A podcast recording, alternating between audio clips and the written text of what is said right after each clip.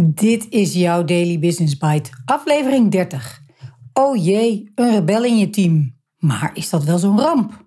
Door Simone van Neerven in MT Sprout op 9 maart 2022. En ik ben jouw host, Marja den Braber.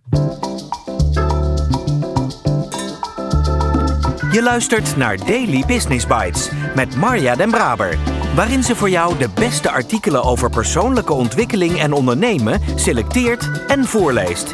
Elke dag in minder dan 10 minuten.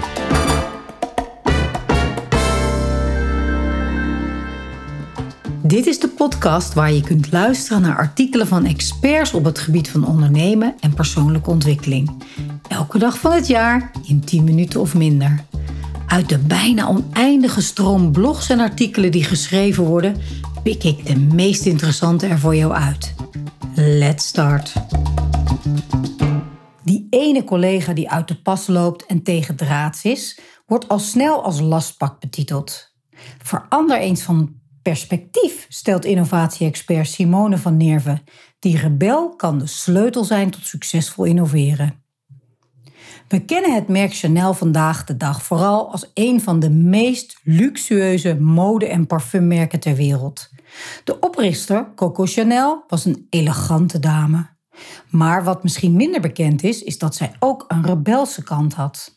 In die tijd, de jaren 20 tot 50 van de vorige eeuw, was het al heel normaal om je te kleden voor het avondmaal. Maar Chanel droeg gewoon de kleren die ze al de hele dag aan had.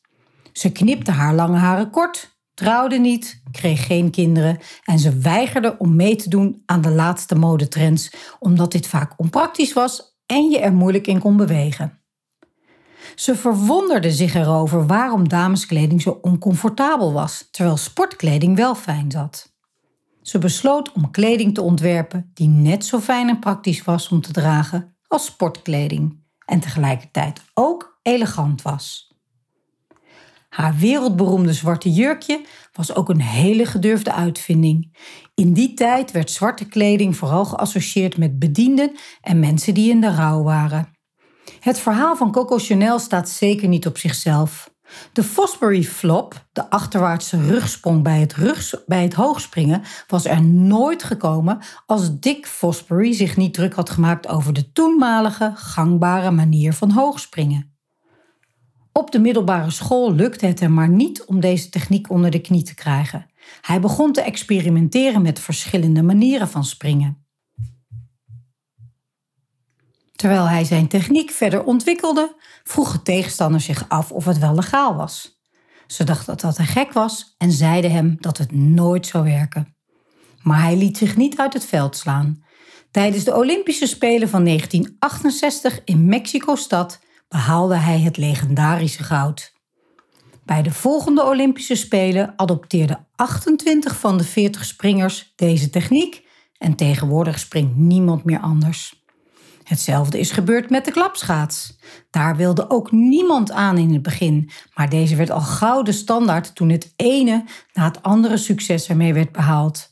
En zo zijn er legio voorbeelden waar een rebelse kijk op alledaagse zaken heeft geleid tot een innovatie. In de praktijk zien we vaak dat rebellen worden gezien als lastpakken. Maar zijn ze echt wel zo lastig? Rebellen worden vooral gekenmerkt door drie elementen. 1. Rebellen zijn nieuwsgierig en open voor nieuwe dingen. Zij kunnen zich enorm verwonderen en opwinden over onbegrijpelijke en onlogische regels en procedures. Ze stellen dit aan de kaak, juist ook omdat ze in staat zijn om de wereld met andere ogen te bekijken en te weten dat het ook anders kan. Rebellen zijn altijd op zoek naar nieuwe dingen, voortdurend aan het leren en stellen daarom vaak en veel vragen, soms tot het irritante aan toe. 2. Rebellen zijn creatief en praktisch.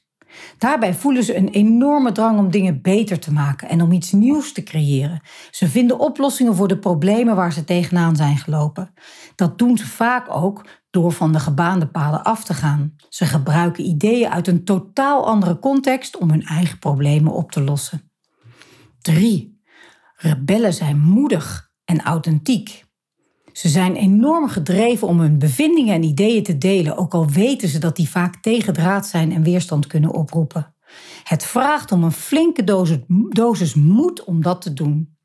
Die natuurlijke drang om dingen te verbeteren is vaak zo sterk dat het geen optie voor ze is om niks te zeggen of te doen. Ze schuwen daarbij pittige dialogen niet en, en zolang ze geen goede argumenten horen die het tegendeel bewijzen, houden ze vast aan hun idee. Veel organisaties begrijpen rebellen verkeerd. Ze zien wel de problemen, maar niet de mogelijkheden.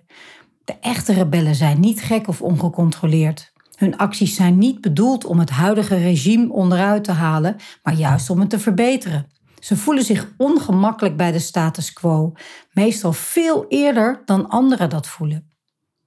De drang om zich uit te spreken voor iets waar ze heilig in geloven overwint het van de natuurlijke drang om zich te conformeren en ergens bij te willen horen.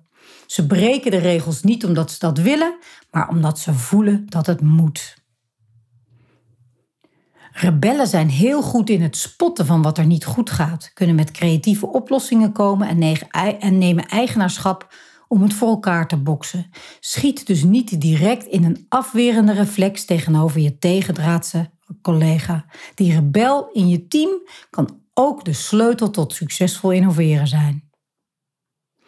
Je luisterde naar Oh jee, een rebel in je team. Maar is dat wel zo'n ramp? Door Simone van Nerven. Daily Business Bites met Marja Den Braber. Nee, natuurlijk geen ramp. Had ik je alles verteld dat ik wel wat heb met die rebellen? Nou, dat kan haast niet anders. Ik ben het zelf ook graag. En als ik mijn moeder moet geloven, al van klein af aan. Zij had een slimme aanpak, want als ze wilde dat ik A deed, dan bood ze me optie B, waardoor ik natuurlijk lekker voor optie A ging. Nou, of dat nou rebels is of gewoon puberen, waarschijnlijk gewoon het laatste, maar toch. Inmiddels zie ik net als Simone absoluut de waarde van rebellen in organisaties en teams. Ook zie ik de worsteling in teams met die lastige collega's zoals Simone beschrijft. Vooral in teams die al even lekker bezig zijn en in de fase terecht zijn gekomen waarbij de robbertjes gevochten zijn en de gezamenlijke manier van werken, de backbone, staat. Zo doen we de dingen met elkaar en dat loopt verdomd lekker. Dan komt er iemand nieuw en die heeft ook zo zijn eigen ideeën en ervaringen. En stel dat die nieuwe ook de teamleider is of de directeur, dan zie je de onrust in een team ontstaan. Weten door welke fases je als team gaat, weet je dat je weer teruggaat naar de eerste fase met elk teamlid, rebel of niet, en de waarde van een wel wat rebels teamlid weten te benutten, zijn dan noodzakelijke vaardigheden van een team en tenminste van de, van de teammanager. Mocht je daar wel wat hulp bij kunnen gebruiken van een beetje rebelse teamcoach, stuur me dan vooral een bericht. En ik spreek je graag morgen. Dit was Daily Business Bites. Wil je vaker voorgelezen worden? Abonneer je dan op de podcast in je favoriete podcast-app. Meer weten? Klik op de links in de show notes.